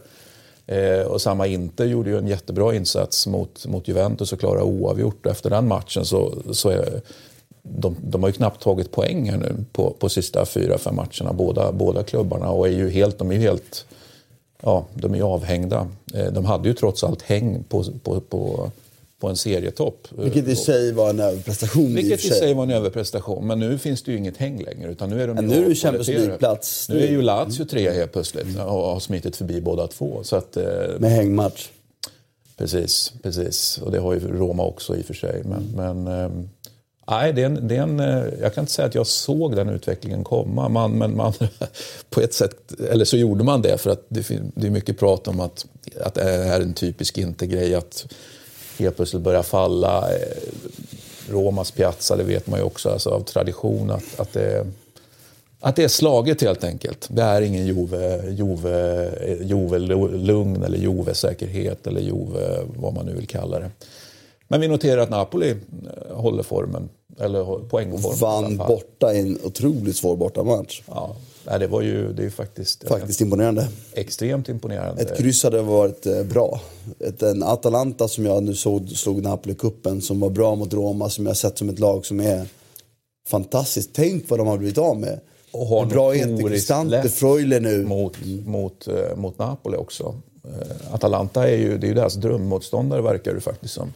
Så att det, var, det, var, otroligt. Vilken, den signalen Napoli skickade här tycker jag var, en, den var mycket, mycket viktig och, och det var mycket starkt också. Men tänk, alltså, eh, just Atalanta, om vi bara tar ett sidospår här. Alltså, tänkte på det, Freuler och Cristante, mittfältare. De hade eh, Gagliardini Kessi förra året. Eh, de hade blivit av med spelare till höger. Derun, ja. Som i och kom in. Ja. Han var två år, han var inte med förut. Nej, Han men han var iväg i England i... Men förra året tänker jag, som var så bra. Och de har blivit av med, med yttermittfält, Conti borta. Så, men det finns, alltså, det finns två klubbar jag alltså, titta på med unga spelare i, som var i Italien. Det ena om de har absolut högsta nivån, det tar de till Napoli. Men där ska de vara så bra så att de ska vara eh, liksom, supertalanger. Men vilken agent vill inte gratis typ, sätta sina spelare i Atalanta? Vad har Galler... alltså, Gasperini trollar ju. Hur många spelare? Cornelius, vilken utveckling. Mm. Alltså det är ju, ja, det är, jag är så imponerad av Atalantas jobb. Men det var inte det vi skulle prata om. Vi pratade om Inter-Roma. Eh, Jag måste att det finns några grejer utöver det vi pratade om att matchen. Jag tyckte ändå matchen var rolig att se. Jag tycker inte koppla greppet rejält i andra halvlek och förtjänar minst ett, ett oavgjort till slut. Där är det är orolig för hur Roma faller ihop. Mm. Eh, och på så vis då så var det väl ändå bra för båda lagen att få poäng. Ett Roma som är, är ju lite drabbade av skador också för Perotti är ju, har varit deras bästa spelare, tycker jag, offensivt sett. Där då några med, de menar Pellegrini var inte, han räckte, han slog bort otroligt mycket bollar i år. Eh, man kanske inte ska vänta sig att han är på den nivå som Nangolan och de är nu. Får ha en sån match. Gerson tycker inte jag var super liksom så vidare. Det som är lite oroväckande för Romas del är ju att det pratas, tycker jag, om en, en, en bra försäljning av Tjecho rent ekonomiskt. Men vad ska de göra? Jag hoppas, jag räknar med att Monchi kommer med något bra alternativ. För vad är alternativet annars? Vad ska den Den- kosta, Dzeko? De skulle få honom och Emerson sålda för 60. Ja, eller med, med bonus kanske. det är ju det, fett är ju bra. liksom... Men Emerson ja, också fett med. bra är det verkligen. Jag tycker, Han är 32. Ja, jag menar det. det är ju, han är ju Perspektivet här tycker jag måste vara att vi för bara två veckor sedan eller tre veckor sedan eller säg två så diskuterade vi inte att någon startspelare överhuvudtaget skulle lämna Roma. Fast tycker inte du att det har flaggats för Tjecho det under hösten? Han har haft uttalanden. Lite grann, va? Jag kände att det Helt låg plötsligt är vi i en situation där man pratar om Radja, vi pratar om, om, om Dzeko, vi pratar om Emerson som i och för sig har varit skadad och inte spelat då. Men, men eh, alltså det har hänt någonting i Roma sista... eh, Många var nog väldigt säkra på, eh, och, och det var ju så det presenterades, ah, men vi vill inte göra någonting nu, utan, men vi måste göra det, Financial Fair Play, göra det senast 30 juni. Men alla tog ju för givet att det skulle göras i, i juni helt enkelt, eller efter, efter säsongen.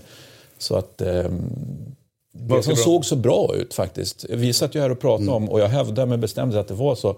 I Roma, ja, men vad behöver Roma? Ja, men Roma behöver ha tid. Det var ju det vi sa. Men vi sa ju också att korrekt. det var överraskande att det gått så bra så fort med ny tränare och spelare. Jo, det är absolut. Va? Men, men jag vidhåller egentligen att där och då, det var verkligen 100% rätt svar. De behövde ha tid.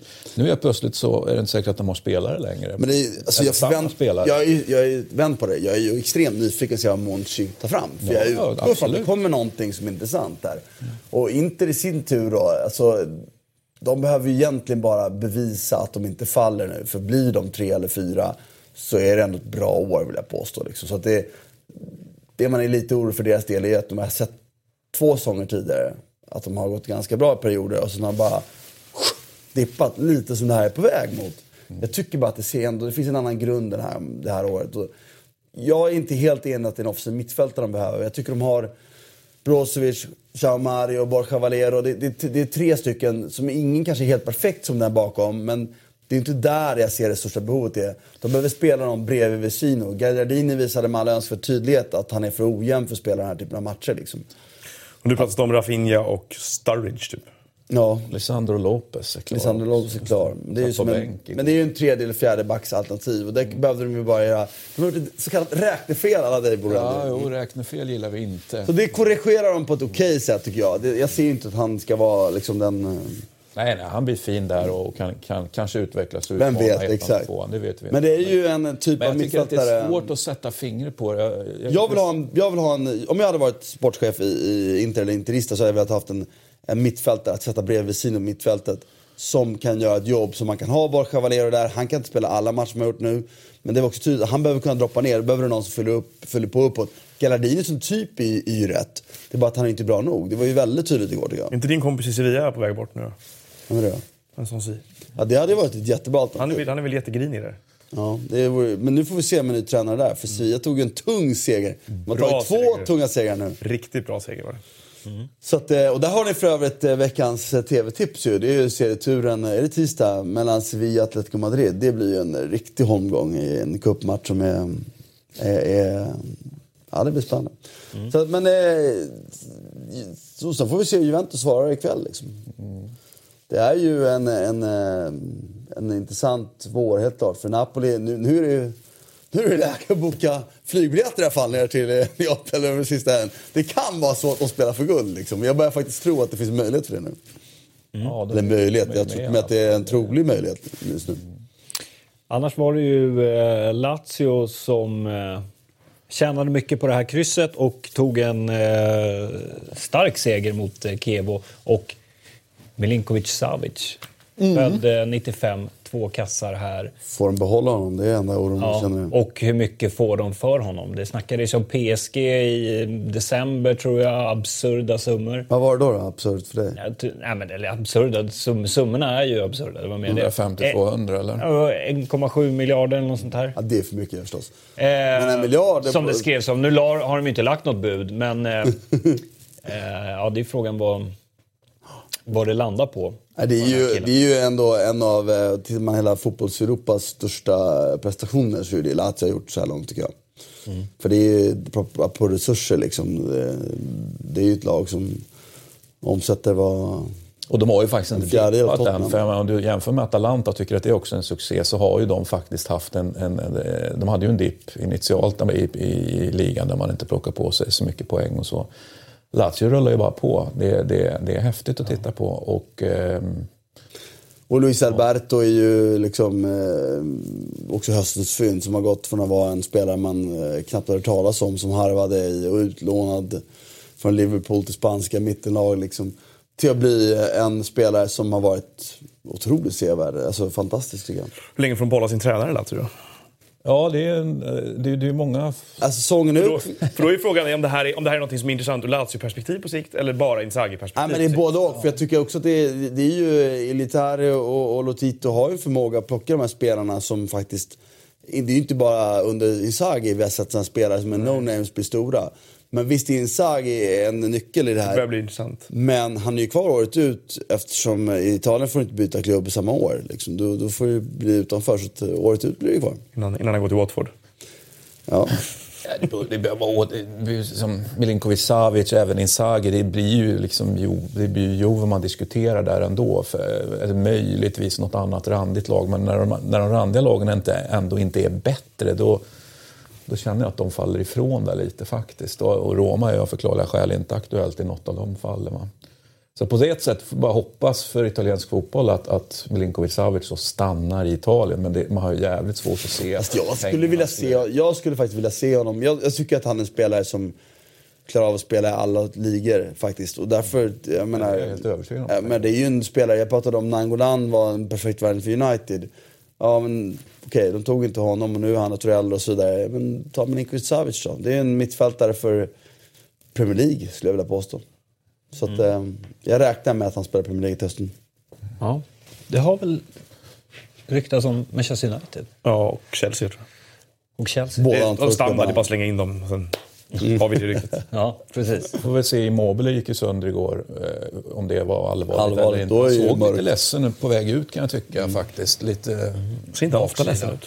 Ja, det kanske, man såg lite extra ledsen ut. Jag Okej. kände, det, det kändes liksom att, det såg kanske inte superallvarligt ut men han såg som, ut som att det var kanske lite allvarligt. Eh, om det nu påverkar. Men hittills har ju in, ingen, inga skador har ju påverkat det här laget hittills. Det, det måste man ju också erkänna. Utan, Immobile känns ju ändå som... Ja, det, det, Då det borde vi påverka. Filippe Andersson som trollar som... Ja, och Nani Ny är igång och alltså, vem, vem, vet, vem vet vad som händer. Och, eh, och apropå vad som händer, eh, som inte har hänt än, men i, i Glitari pratade vi om tidigare, sportchefen där. Han, nu har han ju gått ut och varit supersäker. Han, De Frey kommer att förlänga.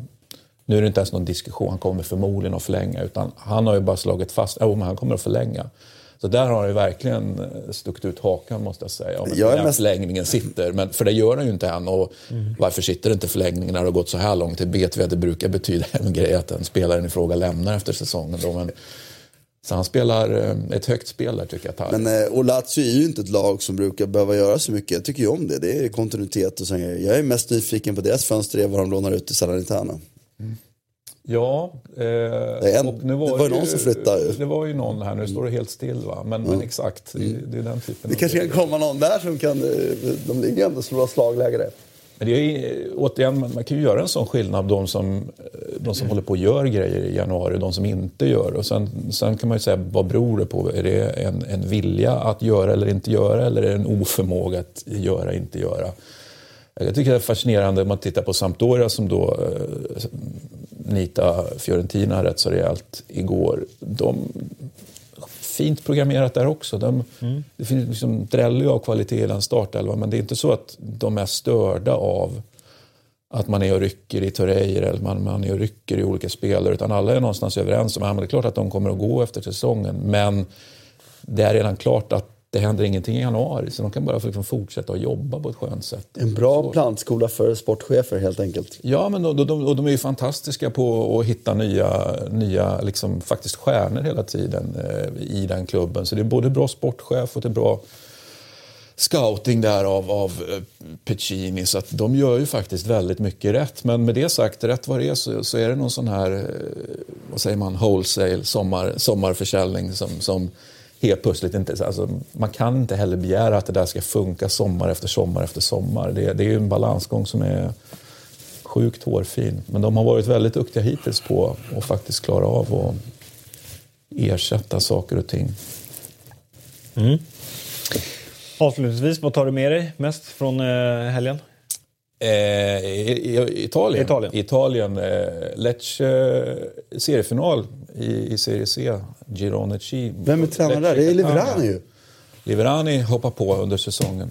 Så 1-1 hemma på Via del Mare, nästan 10 000. Liverani är ingen, ingen eh, favorit. Nej, inte riktigt. Han borde ju vara det tycker jag. Ja, ja, alltså, extrem, han har gjort det här bra. Va? Extremt fin vänsterfot, lite långsam. Det är ja, liksom, ja, borde ju vara. Och, och, um, nej, men jag, jag kan gilla honom. Men, och han har gjort det bra som tränare hittills faktiskt. Som, nu var ju faktiskt Catania kanske lite bättre igår än vad, än vad Lecce var, men ändå så blev det oavgjort. Det vill säga, och, och Lecce ligger ju etta, Catania två. Så det är fortsatt fyra poäng. Och trean Trapani eh, gick och drällde poäng så att det utökades neråt. Så att det verkar bli det här two horse racet då, peppar peppar. Mm. Eh, som, som det var sagt från början. Då. Mm. Så det tar jag med mig. Och så tar vi med oss att, att Parma trycker på hårt i Serie B. Och då menar jag inte att de poängmässigt Du får avbryta honom, annars kommer vi inte komma vidare. Utan, utan de, de gör ju en ganska tydlig satsning, eh, apropå transferfönster, att de lyfter in spelare i och spelare från Serie A eh, i varje i enskild, varje enskild eh, lagdel. Och så att satsningen är med andra ord ganska hård på att faktiskt gå upp nu då.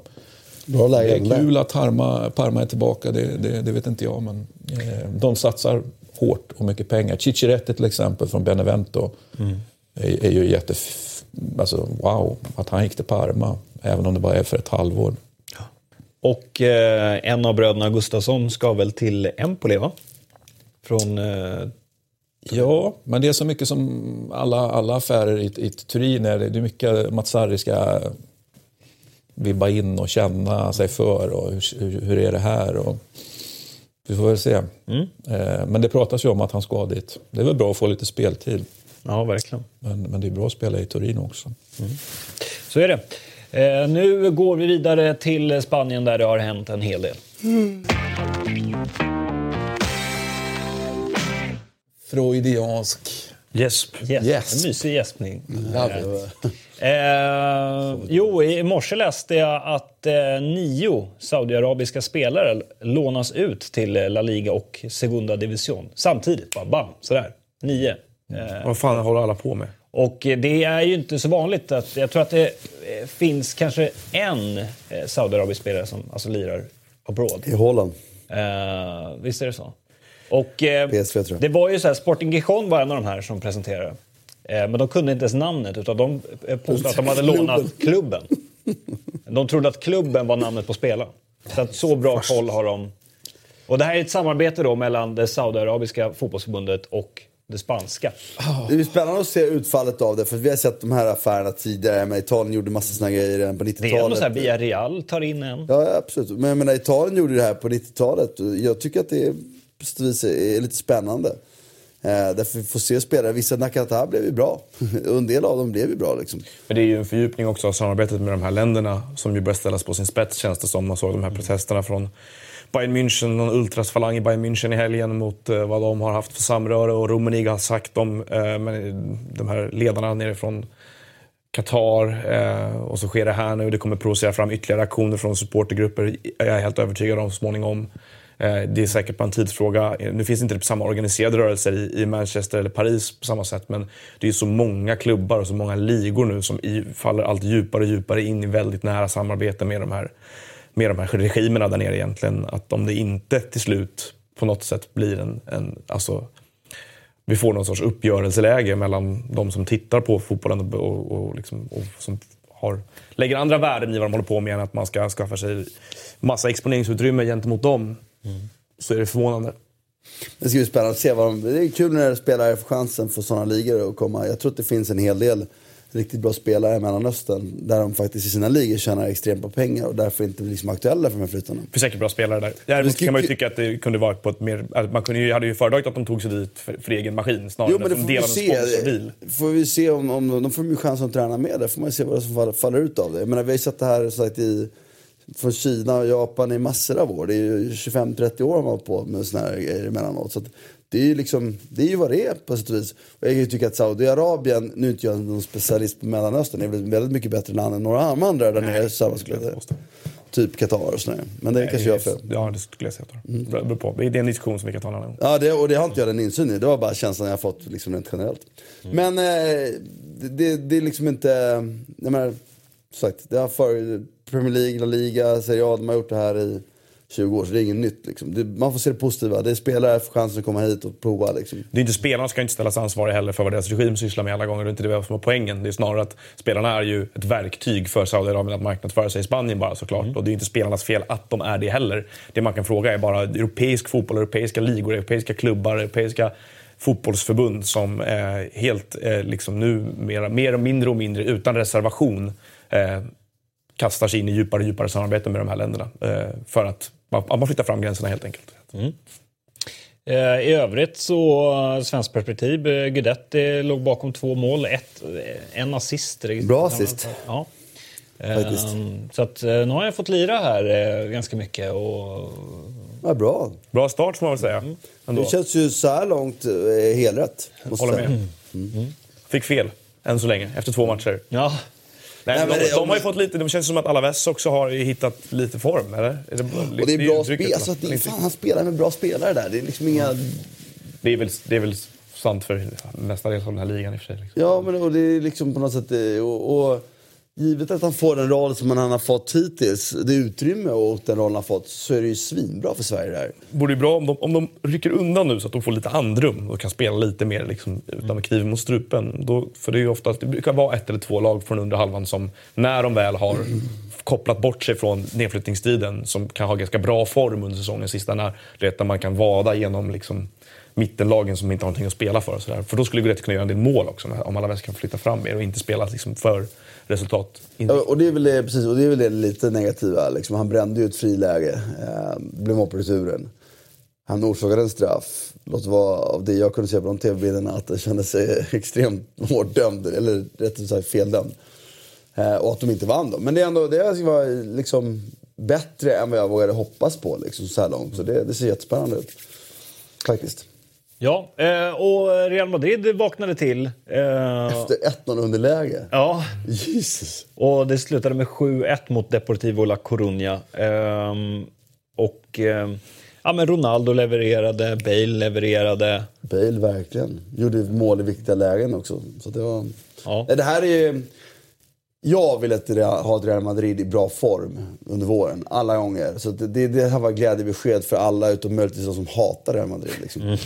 Jag, tycker, jag tyckte om man tar, om man tar det här resultatet och så parar ihop det med att PSG torskade mot Lyon igår och så tänker att det är två veckor kvar till den matchen. Vad jag längtar. Så, men det var väl lite det är det ju man ville ha. sjukt spännande. Ja, men nu är det, ju- ja, men, det, har det är- varit- visst, de har det är varsin veckor helt kvar. fristående trend ungefär i flera månader. Och, och precis när det då är dags för att liksom, ja, till rakning, då, då vill, händer det här. Jag, jag vill nog se Real Madrid dock prestera någon eller två matcher till. match till. Men jag menar, men det var ändå en intressant ingrediens som någon sorts... Ja, PSG hade lite svårare i den motstånd då kanske. Eh, än vad, vad Real hade eh, den här söndagen. Och, eh, Annars är det ju Sevilla, alltså att Sevilla gjorde den där... Verkligen. Så 3-0 var ju i, ett i, i underkant. riktigt bra eh, Espanyol. Som var nära att tappa. Kike Sanchez Flores till Stoke, men som valde att stanna nu i alla fall. Får se om vi får en Marco Silva-effekt på honom där då. Att eh, allting bara kraschar fullständigt och brinner. ganska starkt att Las Palmas har studsat tillbaka där efter att eh, Michael Olunga hade lekstuga med dem förra helgen. Och deras försvarsspel var nog bland det sämsta jag sett den den här säsongen. Alla de här toppligorna inräknade. Och så, Ja, så tillbaka och ta en 2-1-seger mot Valencia. Det, Såg man den matchen så är det ju fullständigt sjukt att de vann med 2-1. ja. Mm, Men alltså Gabriel, eh, den här jävla ut... Alltså, alltså det där borde ju vara såna otroliga böter. Utvisning som jag vill påstå avgör den här matchen ändå. Som att först var det ett gult kort eh, för han som jag tycker är mm, hårt med gult kort möjligtvis. Men han är ut från kroppen så han säger det ju. Men att fått det gula och inte ge sig, fortsätta skälla, ta på sig ett direkt gult till. Samma ja, det är oförlåtligt tycker jag. Verkligen.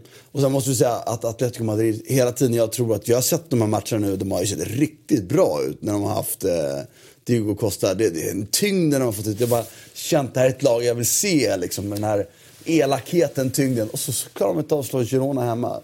Ja, det blir ju liksom någon slags antiklimax ändå på, på det här. Jag trodde ändå att de skulle vara ett hot mot Barcelona. Formstarkt Girona. Jo, men ändå hemma liksom. Ja, nej, det är klart de ska vinna matchen. Det är inte... Lite svårt för de där tröjorna också. Jag gillar inte de där... Nej, det är Strecken. brutna strecken är inte Ja, snyggt. Alltså, nej. Då förtjänar man nästan ett poäng. Och fortsatt stökigt runt Griezmann till eventuellt Barcelona. Då. De, Barcelona släppte ju ett Ja. officiellt nekan till att de har kommit överens med dem här. Att känns- de ens kände sig tvungna att göra det. Det känns just nu som... Eh, Finns det någon övergång som sker liksom smort Nej. för tiden? Det är, De, Ja, men det finns ju De en del. Alltså, Bayern München är ju rätt duktiga på. Helt plötsligt så sitter spelaren i, i, i München bara. Goretzka. Alltså. Satan vad han blev utbuad på av Schalke-fansen det är väl helt rätt? Ja, ja. Bossman till sommaren. Och de eh, Inte- pratar om att eh, fortsätter det så här, de försöker påtrycka då att Bayern München ska köpa honom redan nu. För de vill ju inte ha honom, det stör Nej, nej. Så att då menar ju eh, Schalke med att nej, vi kanske får sätta honom på läktaren om det eh, fortsätter. Alltså inte att de var, reagerade ilskt mot supporten utan mer att det här blir uppenbarligen ett problem. Så köp honom nu bara. Vi vill Bra värvning av Bayern. Ehm, ja, nej men... ehm, precis. Om man inte har, har sett den så kan man ju även eh, gå in och titta på det Messi gjorde på egen planhalva i speluppbyggnaden mot... Ja. Eh, de mötte Betis. Betis. Betis borta. Betis, precis. I, jag vet inte vad det står när han gör den grejen. Men ni, Ja. ni vet vilken Den- den jag jag, menar. jag såg inte det. Den som var över hela, över den hela är- social- alla sociala medier igår kväll. Ja, Ja, den är han, sjuk. han är liksom omringad av tre, fyra personer och eh, kroppsfintar bort dem, tunnlar en, speedar förbi någon annan och startar ett anfall på egen hand. Från, alltså eget straffområde, höjd med eget straffområde. Ja. Vad får jag för odds om jag sätter 5000 på Argentina vinner VM i sommar? Vad får jag? För, vad du? jag prata med fel person? Det får du nog... Eh, av er menar jag. Ja, men vad sa av du? oss. Om jag sätter 5000 på att Argentina vinner VM. Får jag för eh, bett tillbaka då? Ja du. Hade, hade David suttit där så hade motbudet varit England vinner. Jag ska, jag ska spara den- den den är ju- vecka. Ja, gör det. Vilka går längst? Argentina eller England? Ja. Men eh, det borde nog vara ganska bra odds på det i alla fall. Är det? Ärligt talat. Ja, men det är... Ett lag Det är som, nog hyfsat höga odds för. Ett lag som ofta i Sydamerika precis överlever kvalet, de brukar ju bra slutspel, är det inte så? jag vet inte. Att vinna gruppen brukar sällan vara eh, tecken på någonting bra, för, eller? Har vi inte haft Argentina gått in i VM några, några gånger och varit superbra grupp? Det var bara en känsla. att- Men någonstans så måste ju det bli, alltså med Messi i den form han är, eh, faktiskt flera spelare som eh, är i den bakre junioren som faktiskt presterar nu. Men och de det har lag de har, då är det bara, det stora problemet de har är ju hur de ska få plats, alltså hur det inte ska bli tjafs och få plats med alla. Men det problemet har de å andra sidan haft nitt- liksom 94 och framåt. Ja. Och inte så löst. Att, eh, och inte löst. Så att, eh, det ser inte så optimistiskt ut. Nej. Eller, Och han eller gjorde- rätt vad det är så han- råkar de få rätt kanske. Nej, men bara Messi är ju... Det är ju alla deras mål. Det är ju ingen annan spelare i laget som har gjort mål på två år. Typ. Men det, Det är ju inte bra. It will turn around eventually. Man får ge San Pauli lite mer tid. Tror San Pauli så ska vi verkligen... Och det gör vi väl? Ja, ja, mer än Maradona han.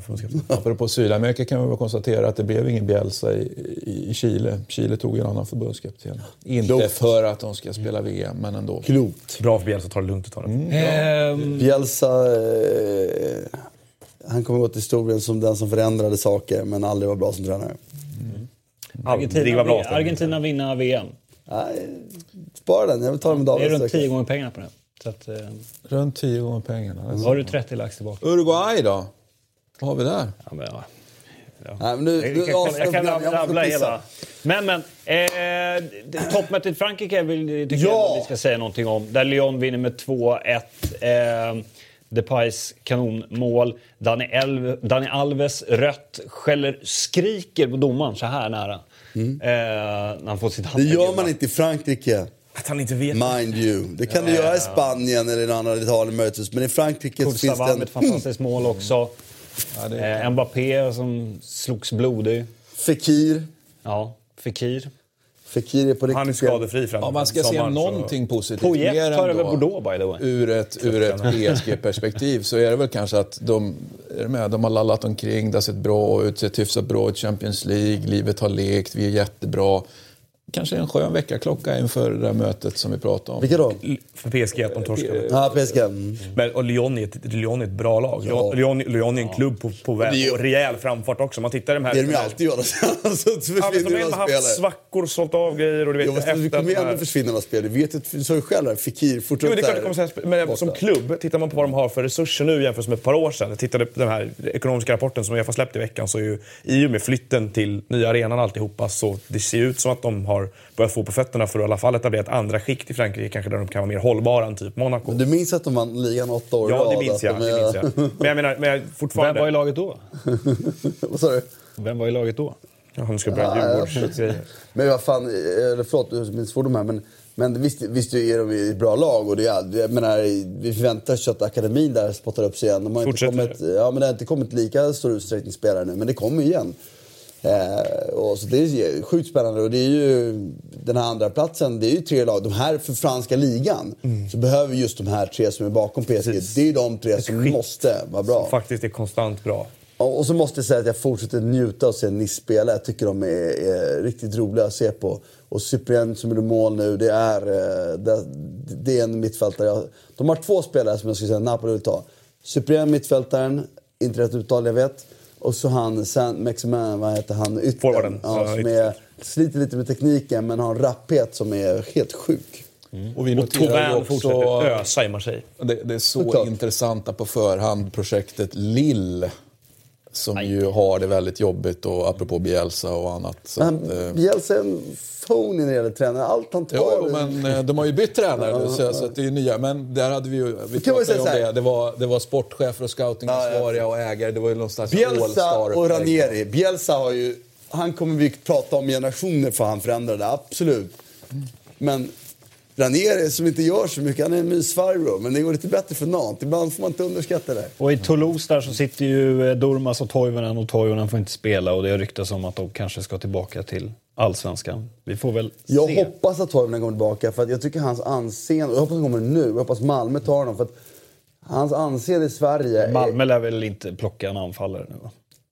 Ja, men Toivonen skulle möjligtvis vara någon som Han är väl en uppgradering på allt de har. ja, ax, axla... ja, Han skulle kunna axla Ja, dessutom men kolla hur många anfallare Malmö har i Men kolla, han skulle kunna axla det, det arvet av en spelare med, med, som kan bära Malmö Ja, vidare. Liksom. absolut. Och jag bara säger, för jag håller ju Toivonen som extremt mycket bättre än vad folk gör i Sverige. Och jag tror bara att när han får spela i Sverige, när det går lite långsammare, får vi ut den här... Då, Han fick han väl skulle- eh, ett eh, erkännande nu under, under hösten med Ja, VM ett, med ett kort sådant. Jag vill Ja, påstå att, jo men han har varit bespottad ju. ja, men redan, redan i Italien, eh, playoffet tyckte jag att folk började skälla på honom igen. Ja, jo. Men eh, apropå att engelsmän gillar att hänga sina egna spelare. I Sverige är vi ganska duktiga på det där också. Ja, man är säkert I landslaget. överallt. Så att, så att, jag tycker håller, snälla med, mot jag alla. håller med om att man i England är värst på det. Ja. Vilket jag tror är, är, är, gör att det är svårare för de här att liksom... Man måste ha starkare stå emot den här publika viljan där. Ja. Eh, Christian, du får ungefär 26 gånger pengarna på Uruguay. Just det, jag, måste, just det, jag bad, Enkel ju, jag bad ju att få en grej om, eh, om, eh, om Tomislav. Jag ber om ursäkt förra veckan. Jag sa att Liverpool hade omsatt, eller netto, netto under eh, de sista två åren. I paritet med Chelsea, men jag tänkte inte på att Fick de lite hade, hugg där på Twitter. Ja, men jag hade inte tänkt på att de hade sålt Coutinho. Jag hade ju räknat på det här. Så, så har de ja, men du hade ju räknat innan och sålde Coutinho. Det är inte så Ja, konstigt. men Coutinho var ju såld då när vi pratade om det, så jag borde ju ha fattat det. Det var det ena. Och det andra var att det skilde ju typ 20 miljoner mot Tottenham, vilket eh, folk... Det är ganska lite i mina 20 miljoner euro. Men, Men, men eh, jag tycker det är bra. Jag säger ibland saker, det är inte alltid exakta fakta. Eh, för det blir, ibland måste man ta saker lite ur luften. De får gärna kommentera det, men de får gärna vara lite trevligare tycker jag. Ja, trevliga tycker jag. Den, eh, man kan läsa den ekonomiska rapport som Uefa släppte eh, i förra veckan där det finns väldigt mycket intressanta grejer just ur det där perspektivet med hur mycket klubbarna spenderar på löner och hur deras intäktsströmmar ser ut och det skiljer sig väldigt mycket från England och de andra, och de andra ligorna. Det som slår en är två saker. Det ena är just det här med glappet mellan Manchester United och sen en bit ner till City och sen Chelsea och så vidare och sen hela vägen ner till Spurs då, som är På tal om löner. på ta, eh, hur mycket de spenderar på löner till exempel. Eh, och deras, även deras intäkter är ju långt mindre än de andra toppklubbarna i England. Bara som ett inlägg till det vi pratade om förut i avsnittet. Det andra är att det är fortfarande slående hur klubbarna i eh, Englands plats 10 till 20 spenderar ju alltså mer, eh, har ju större lönebudgetar än de traditionella Europa League-lagen i Bundesliga, ligan i Italien och sådär. Så att, att de fortfarande när de väl kommer ut i Europa är så dåligt rustade för att stå emot eller spela där ute är faktiskt ganska slående. Man måste veta vad man gör när man köper in också. Man måste ha kunskapen i klubbarna, på bänkarna. Det måste gå igenom hela klubbarna liksom. Var det någon för övrigt som såg Ajax Feyenoord? Nej, Nope. Nope. vad blev det? Ajax vann. Ajax vann. Eh, 2-0 blev det. Sam Larsson fick inte spela. Nej, han fick inte komma in. Eh, men Jörgensen, han var riktigt stökig alltså. Det är mycket bra danskar i omlopp nu alltså. Han blev utvisad. Danmark har fan ett bra landslag alltså. Ja, Och ja. mycket men det var, det var en härlig match. roliga, det var väldigt intensiv och eh, som en klassiker ska vara. Kan vi säga att Sam Larsson har det tufft nu att ta sig in i VM-truppen? Det får man säga. Verkligen. Ja, nej men eh, och vi kom överens om eh, mittbacken i status Ronaldo. Jaro. Ja, vi, är ju, vi är nästan löjligt överens hittills. Mm. Alltså, det är tråkigt att vara... Filip Alberg. Det blir ingen riktig cliffhanger till nästa avsnitt. Nej, det, ja, det är synd att, synd att kalla det cliffhanger. Men, men jag tror att det, det kommer att bli stökigare när vi kommer fram till, Ja. till mittfältet. För att den försittning som jag har tagit del av, med, eh, som väl var med Martin i det fallet, där var vi egentligen inte överens om någonting, skulle jag vilja säga. Eh, Jag vet, jag vet redan vilka då- fyra, fyra som måste vara med, så det får ju bara rätta in i ledet. Ja, du hörde ju själv hur, hur, hur Lothar Matthäus utsågs till eh, Guds eh, barn, mer eller mindre här. Jesus. Ja, alltså, han är ju, det är väl inte många centrala mittfältare som blivit utsatt till världens bästa spelare genom alla tider. Så han ligger nog rätt bra till för att vara med på den här listan. Nu Och vunnit eh, vill jag sätta mig framför en brasa och dricka en kopp te eller basta eller någonting. För det är knappt plusgrader. Inte mig grabbar! Vi ses eh, på torsdag, då är Eurotalk Weekend och eh, sen Eurotalk som vanligt om en vecka igen. Eh, Hej då, hej då. Tack hej.